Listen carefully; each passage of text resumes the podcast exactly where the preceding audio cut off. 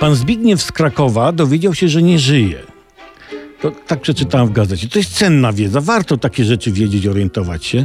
Okazało się, że w jednym z krakowskich szpitali zmarł ktoś, kto miał w kieszeni mandat na nazwisko pana Zbigniewa i na tej podstawie wystawiono akt zgonu.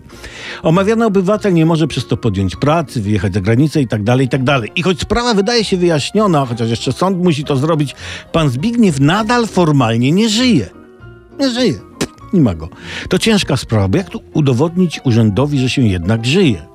No bo na przykład, y, nie wiem, jesteś szczęśliwym posiadaczem własnego aktu zgonu, no i chcesz wyprostować sprawę, nie? I mówisz urzędnikowi, ale ja przecież żyję.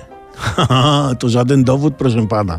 Przecież może pan być zjawą, która wciska w urzędzie ciemnotę. Ale proszę, tu jest mój dowód. to żaden dowód. Wie pan, ile osób ma dowód? A, właśnie. Ale ja mam świadków, że to ja, że żyję.